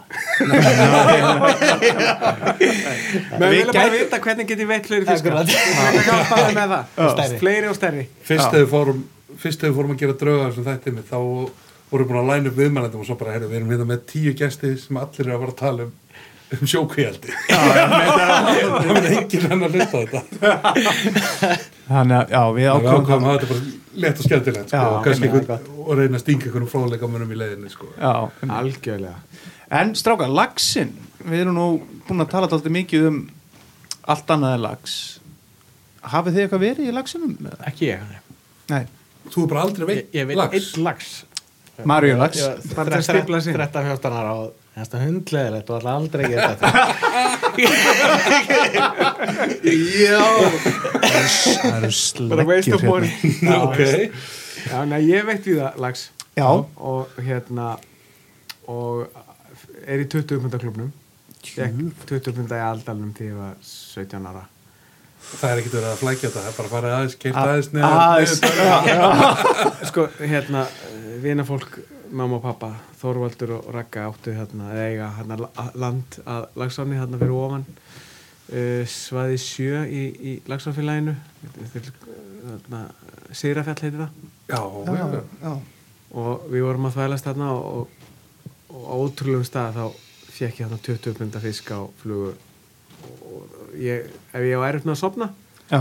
þá fer ég í þú veist, þá fer ég á þennan stað í huganum og náttúrulega alveg svakalegt sko. Og þessi fiskar hann í aldanum þetta er náttúrulega bara Hvað hva, hva tók, hvað tók hann tók Black Sheep nummer 8 Þú er verið á lagsviðum. já, Þetta er alltaf á þessum tíma er þetta lagsvið á. Já, já. Já. Núna er þetta bara eins og ég segi, þetta er með björsa. þetta er frábært Þetta er, þetta, er, er urrið á með lögsum í. já, já. Við Það farið- Sigrafell er geggjað þurrflugsveið. já, Alveg geggjað. Þetta er, er ekki rétt hjá mér að fyrir það neðan að- raun og þar. Já, reykjadalsáðun er að koma út í það. já, eigindaleikur Já, fyrir neðan, já, þar fyrir neðan. Eigindaleikur reykjadlags á það er sama, sama þannig, já, Já, þetta er geggjað sæði, sko. algjörlega. Og svo náttúrulega, ég fekk fyrstu frugulagsan í sóginu og svo maður bara veitt hérna. En svona, ma maður var alltaf í barningi að því að fyrst, ég, ég, man, ég man því ég lagði lagði maðkastöngin og spúnastönginu Já. og ég ætlaði aldrei að veiða á annað en flugustöng Já. og fá lags á flugu.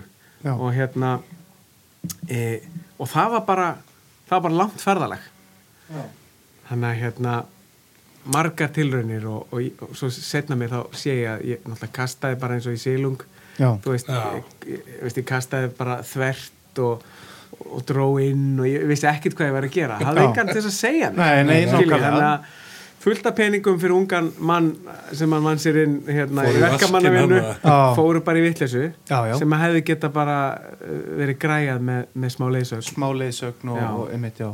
þess að við erum, þið heyri, við erum að promóta að menn séu að fá Já. leita sér þekking. já, tala við sér reyndari Já, já. Það Það er, vissulega, le- þetta er leiðilegt að vera með þessa perlu sem lagsadalun er og þarna koma slatta Íslendingum einu sinni já, að þetta er erfitt bara of erfitt.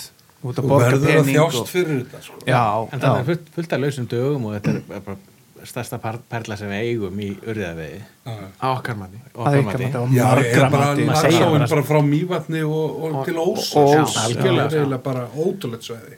Já, Og, og, og hafa mismunandi sjarmaðurinn, sko. og svo nýjast ógnin er bara túristar að kúka í ána þarna í röggli maður förungur og það er líka þess að vekja okkur að, þú veist, þetta er ekki Já, já, það það er nú takur sig ekki sem sjálfsögum hlut að Nei, það sé það alltaf gerast bara þar og þá Já. er nú eitthvað að vera að virkja upp á áletinu og eitthvað allt í sting. en þetta var svona grunnurinn af konseptin okkar þú veist, er að reyna að kynna þess á það bara fyrir Íslendingum við fáum að veiða þess með og fólk var að veiða með okkur við gefum allavega leiðsögn sem við getum mögulega gefið. Já. Veist, þetta er frábært, frábært og koncept.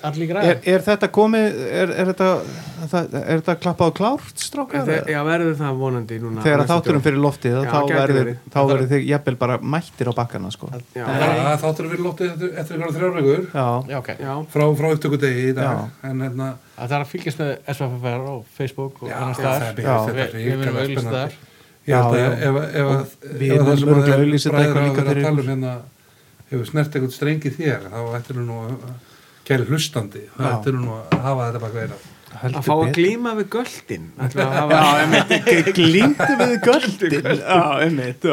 Nei, það er rosalegt í þessari seilungsvegi ef að menn gefa sér tíma og, og, og hvet að menn til að hlusta líka á þáttarinn sem við vorum með með hann Ingo sem hann Já, já. fór djúft og í tauma og, og svona pælinga hvernig menn eiga, eiga að nota nælon og flúrkarbon og Flúor, allt þetta. já, ok. Þá hérna þá er svo mikið uppsætt í tíma fjárfestum í sílungsvegi sko.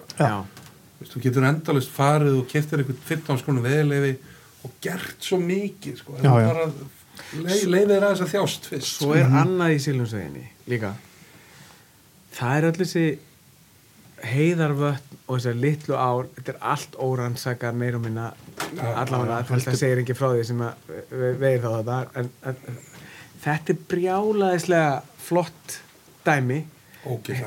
Veist, ég fer á Arnavarsheiðina þú veist, það er sama í gangi þar. Þetta, þetta lífriki springur út og, og, Já, glæsilegir fiskar og ég var svo heppinn sem barn að fá að fara um, einu af mínum lærufæðrum svona í veðinu Gunnar Þorstensinni heitnum og konuna syngu upp á, upp á hérna og það þar var maður bara, ég var þú veist, 12-13 ára maður bara í viku. Já, og bara rá, þau eru með svæði þarna leigu og hús.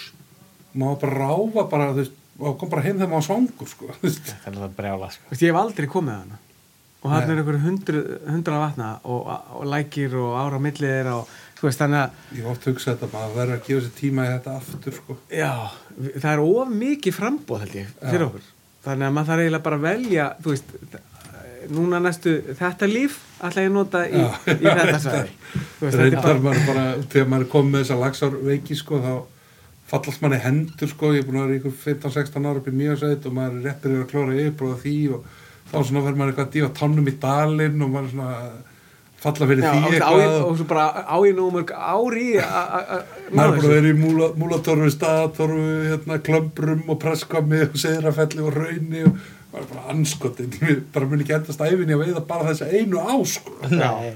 Þetta er gaman maður, þetta er gaman- gaman. En það er hérna í, í kringum Reykjavík, það er svona, það er svona daldið uh, trikkisvæði. Ma, ég, ma, ég veit ekki mikið hérna í kring, Nei. nema bara ellega vatnið, við förum, ma, ég fer þar á vorin. Já, Já, sem þið það vatnið. ekkert verið í varmunni eða minnivallalæk eða þessum jú, aðeins farið minni vallalæk, Já, en ekki varmána. Nei. Jú, einu sinni farið í varmána. Ég fer svona fjóru sinni í viku upp í Holmsá á sömurinn. Það var- fjóru sem í viku Ég er bara með stengri uppsetta á sömurinn á pallin mér í bí Norlíkvalli. Þannig að hún rennur bara það fram hjá já, mér. já, Þannig að bara eftir kvöldmann þá er ég farin Einmitt, út að það vera. náttúrulega skjótast í tvo tíma bara. Brjálaðislega gaman sko. trikki. Já, þetta, þetta er háskóli þarna getur orðið góðu við maður eins og ellega vatni Það tekur eitt kast og maður sér svona fiska í, í 50 metra radíus fælast í. Já, Þannig að maður virkilega vanda sig, en ofsálega gaman. Sko. já, Ég er spenntar fyrir ella vatninu. Þetta er fæbygglasstristurinn alveg upp á sitt besta. Já En ellega vatni Já, Elliðavatnið á vorin. Já, þetta er náttúrulega að tala um að þetta sé svona háskóli fluguviðmannsins í, í Silung og annað. Þetta Þegar er að klikast út í mæ, Já, þá er hérna þurrflugu veiði bara á heimsmæli hverða, í ella vatni. já, Þannig að- hérna, toppflugan er svona stór mýfluga. Já. Og uh, þetta gerir svona miðan mæ eitthvað svo lis mm og þá sér það ellega vatnum breyst. Ellega vatn var, voru mikið bleiki vatn er orðið urriða vatn í dag Já. Já, og það eru stóri fiskar þarna. Eh, það reyndar kom, það voru skarfar á vatninu held ég, fyrir tveimur árum, þeir reynsuðu nú ansi vel til því að það var ekki það var til dæla lítil veiði bara eftir, eftir þá félaga. Já ég he he heyrði það í mynd já, þarna voru einhverjir 30 skarfar bara í veislu heilan vetur. Já, og, og þannig að, en, en að þeir grísuðu þannig, að- þannig að það verður örugglega góð veið næstu árin í allavega vatni já, já, þegar stopnið næsir aftur á strikk en það er mjög, þú veist, það er náttúrulega bara hérna fimm minútur í burtu. Já, það er fimm mínútur bara fyrir alla sem búa nánast á Já, sko. og það er líka svona, þetta er sama þetta er, þú veist, það fer hluti af æfinni í Í að að stúdira það, skilji þannig að, Ég var einmitt að segja við Sigþór hérna þegar við löppuðum hérna, nei þegar við vorum að keira hingað og að hérna að tala um veiði þetta. Já, hva, hvað er gattisbræði og þeir eru já, myndi áfrabært og hérna og þá fór ég myndi að segja, já eh, hérna með þingallavatnið, ég hef aldrei veitt vel þar, já, það er bara ekki virkað allt sem ég gerði, virkaði ekki. Og eins með, með sko, ellega vatn að ég bara þetta bara klikkar ekki hjá mér. Eða þú veist, að, Já. þú veist það bara gerist ekkert. Og, og ég er búin að heyra í mörgum sem hafa veitt þarna alveg endalist og alltaf það er bara sama hvena þið fara ég fer klukkan 7 á mótana, ég fer klukkan 10 á kvöldin eða hvað það er, bara farið þarna að gera þetta og það bara, búm, þú ert bara í veislu. Ég hef aldrei lent í þessari veislu. Ég ætla að gefa þér smá hérna. Já, takk. Já, ég, ég er búin að veiða ógislega lítið af fiskum í allega vatni. Já, með hvað ég er búin að fara þarna oft. Já, þú veist, ég sleit einu svona hásinn fyrir tíu árum síðan já, og ég fór með svona stól svona, uh, til þess að ég satt í. Já, og í stæðan fyrir að sitja heima og orkina mér þá satt ég bara þarna og horfði og kannski nokkur, tvo-þrjá tíma já. og maður læri svo mikið af þessu skilji. Að Bara fara og vera þarna bara þá sá ég fiskar voru að vaka alveg við bakkarna sem ég var vanur að vaða. Uh, lífriki var allt öðru sér heldur en ég held að væri. Veist, þannig að maður bara gefur sér, maður þarf að gefa sér tíma. Já, þetta er bara þannig og sílúsi er bara þannig sport. Heldur betur.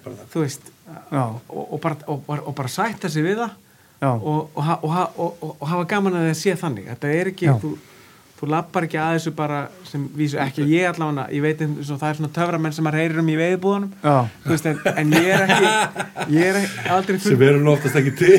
Nei, nei, nei, nei, nei. við erum bara með best of sögurnar sko. Já. en maður fær ekki hérna já, færði ekki Já, já. þjáninguna. Þjáninguna sko. Þetta er bara fjall- fjöllin er alltaf blá er að alltaf mók Alltaf ég hafði samband við stórvinn þáttanir Guðmund Helga hérna, samverkamann ykkur upp í Laxadal já, svona spjarnar Bjarnason. Já, og svona undirstakkan aðeins með einhverja kannski einhverja, vandræðilega eða, eða svona kannski komíska sögur ég verið að stekja mann hérna.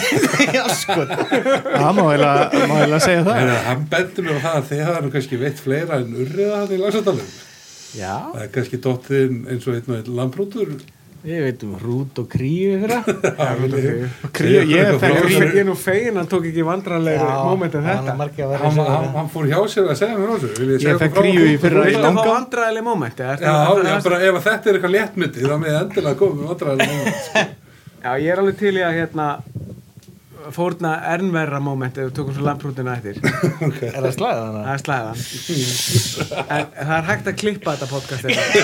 Já, jú en það er verið ég ekki verið lenskan sko. Ég sem sérlegu grænlegsku það hafa allir lent í svipu en það er ekki allir sem þóra að segja frá því sem Nei. ég er að fara að segja frá þetta Ok, komum með þetta komum allir með þetta. Jésús, Komum með þetta. Á við fallegum, gerum ekki það á fallegum sumadegi í júli Já. drauma draumadegi þurrflugumannsins. Eh, við erum saman bræðinir og bara, heyrðu, nú bara nú var ég bara til, Óli að þú myndir bara keira mig upp í slæðu. Já, og mér langar bara að þú skiljið mér það eftir og þarna ætla ég bara að vera í dag ég ætla bara að vera í paradís í dag.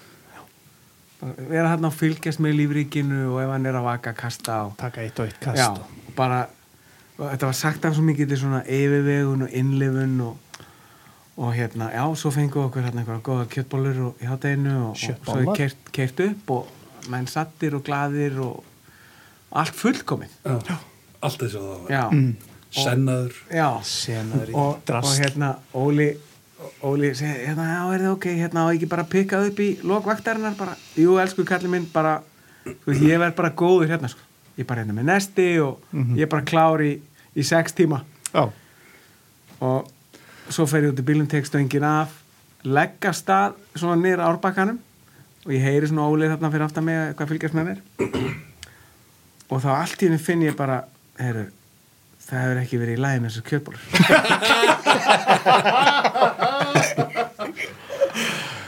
og hérna og sjá, þið tengið strax við?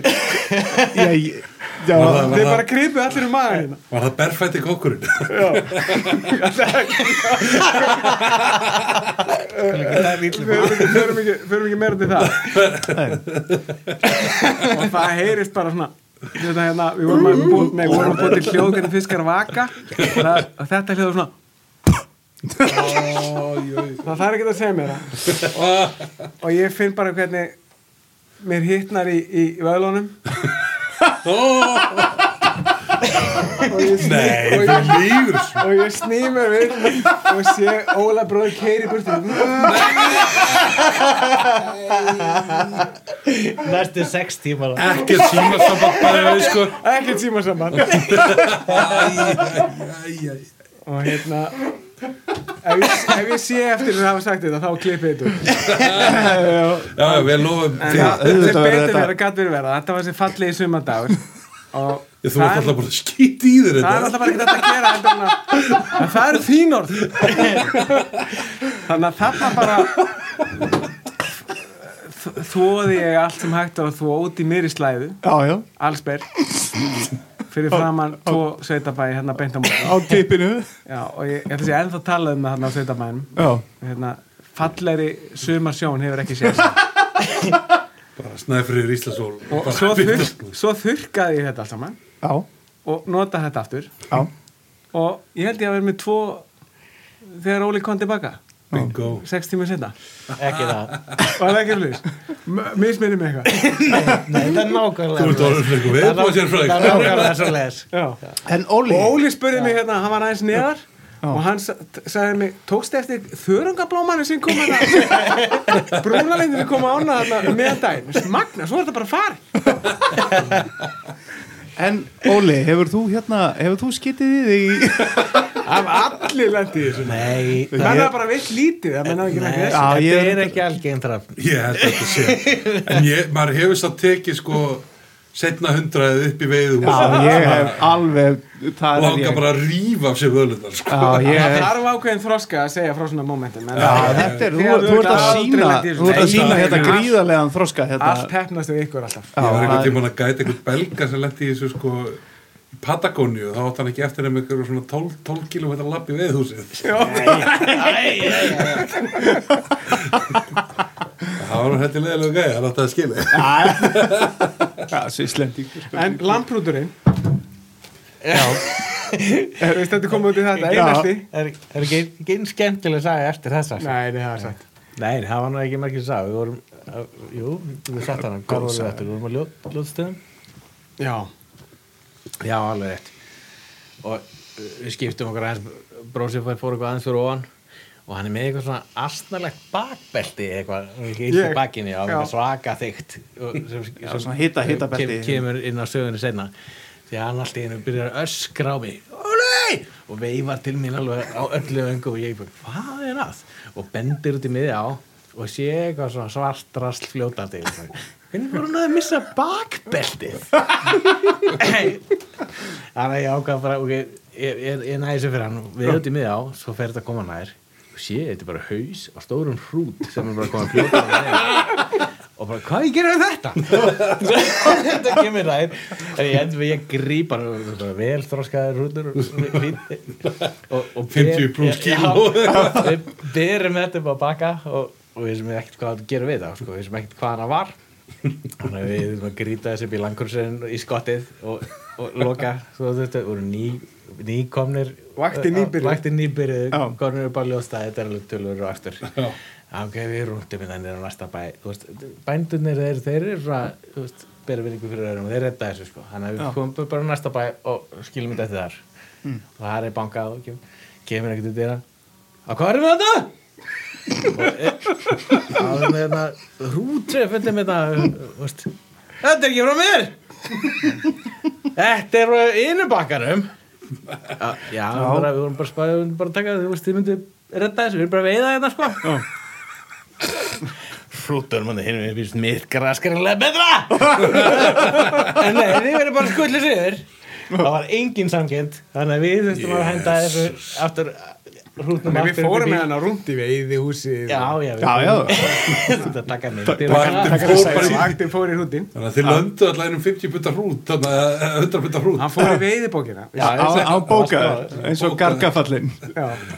á garga Gargafall. Herru, við höfum farið helviti vel yfir þetta strókar Já, en hérna við báðum ykkur eins og, eins og aðra gesti hérna. Maður senda okkur eitthvað lag sem að við tengir, teng, sjálfur teng, tengir ykkur saman uh, kannski við veiði eða annað einmitt, uh, fólk þekkir þetta núna með, með þessi lög sem við erum með Já, við það er eitthvað hlustuðum stemming, eitthvað veiði stemming Já, við hlustuðum hérna aðeins á, á, á þetta lag sem þið, settu það og, og það fyrsta sem kom upp í hugan okkar var bara bros. Það er, er gleði og tilökun Það er maður sér ykkur tvo glottandi í, í land, hérna, landgúrsveitnum er- keiru fyrir stíplu það er klárlega það. Þetta, þetta, þetta er sko laga þannig að Davíð Þór Jónsson, pínuleikari og veðmaður mikill. Jú, frábær eftir herma líka. Því frábær að frábær eftir herma að- að mætt, mætti einhvern tíðan með okkur í dalnum og með hennar disk. Og glemt honum í bílni hjá mér. Nema hann hafði grafið þetta upp á einhverju, einhverju förðulegri plötubúði á Ítalju og þetta, þetta, er hérna maður sem heitir Fred Buscalioni sem er einhver svona, það eru örgulega margir ítalega eftir að móðgast að segja þetta, einhver svona Björgvin Halldórsson í Ítalju sko, 1950-60 já, og svona krúner og, og, og, og okkur fannst þetta svona mikið stuð að setja þetta á og við erum búin að vera með einhver svona veiði músík svona þar áður og svona reyna að vera dramatískir og veiðilegir og náttúrun og eitthvað. Og þetta var eitthvað alltaf átt fannst þetta svo gaman að við erum búin að hlusta á þetta núna hvað er 15 ár síðan. Já, það. þetta er alltaf Já. sett, bara leiðu konið í dalinn er er settur á fónin allt júnaði bort og gýr okkur upp. Heldur betur maður. Þetta er vel restlag þetta er mjög rest og maður sér eiginlega bara fyrir sér að það hljóti bara að vera að Björgun Haldarsson hafi stólið einhverjum að þetta frá hlýtur að vera. Læti Ómar Ragnarsson gera íslenska texta það hlýtur að vera en þetta er sem sagt ég, ég bara byrst afsökunar til allra sem tala ítölsku þetta Já. er hérna Il Dritto di Chicago Já. Getið þið búið þetta betur framstrákar ég held að þetta hafa bara verið hárið Já, er það er bara ég- 100%. hérna, það. er eins og Björgun. Haldarsson hafi búin þetta sjálfur fram Já. Já, ég meina það er bara einn aðal sem ber þetta rétt fram. Náttúrulega, hann er með hérna geggja lag líka sé ég sko sem að heitir eh, Mr. Sandman. Já, það var nú kannski gaman, að taka á því líka. Já. en bara þakka ykkur kærlega fyrir kominu þakka og frábært spjall. Takk fyrir okkur, Já, gaman að til hann ekki með podcastið þráðar, þetta er náttúrulega það. frábært innleg algjörlega frábært Já, Hlusta er það ekki? þetta? Jú, ég, Okkur finnst það, okkur finnst það frábært sko. við erum ánægð með þetta Já, við með þetta en við sjáum svo á bakkanum í, í lagsadalum í sumar Já, já, þið mætist í, valið eða ekki? jú, Jú, jú, jú, við erum- við erum við- bó- það. sko. Er það ekki? Ég, og við bara minnust aftur á það ef, að, ef þú voru áhuga á að kynnast alvöru sílungsveið og og alvöru köllum já, þetta hefur kýtla einhverju taug en það sem við erum búin að tala um. Kjötbólurnar. Sjött, Kjötbólurnar sjött bollar geðu eitthvað kjötbólur mætti með vöðluti skiptana Já. og hérna Mæti með tvennar þá bara hvetjum við ykkur til að hafa sambandi stang og bóka ykkur í kattisbreðaráli Alveg ekki spurning Og strákar enn og aftur, takk kærlega Sono il dritto di Chicago Sugar Bang. Arrivato fresco fresco da Sing Sing. Io ho avuto da bambino Al Capone per padrino e mia madre mi allattava a whisky e gin. Sono il dritto di Chicago Sugar Bang. So sparare la pistola con lo swing. Io con Jimmy lo sfregiato sette banche ho svaligiato nello spazio limitato d'un mattino. Ragazzi, mamma mia che svago, quando per Chicago scende a passeggiare. Ragazzi, presto sorridete, se lo disturbate, certo sparerà. Sono il dritto di Chicago Sugar Bang, deputato del distretto di Sing Sing. Quando vedo una ragazza, quella lì diventa pazza, perché Sugar tiene o fascino latino.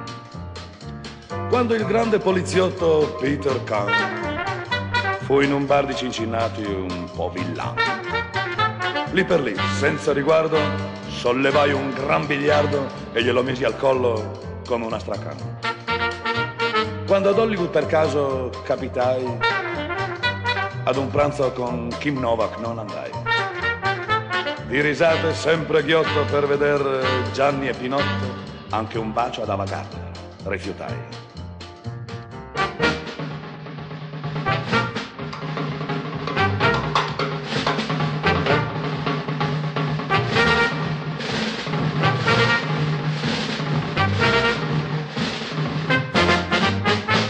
Sono il dritto di Chicago Sugar Bang. Ho una villa riservata giù a Sing Sing. Sorridete e salutate. State attenti o le buscate. Sono il dritto di Chicago Sugar Bang. Sono il dritto di Chicago Sugar Bean.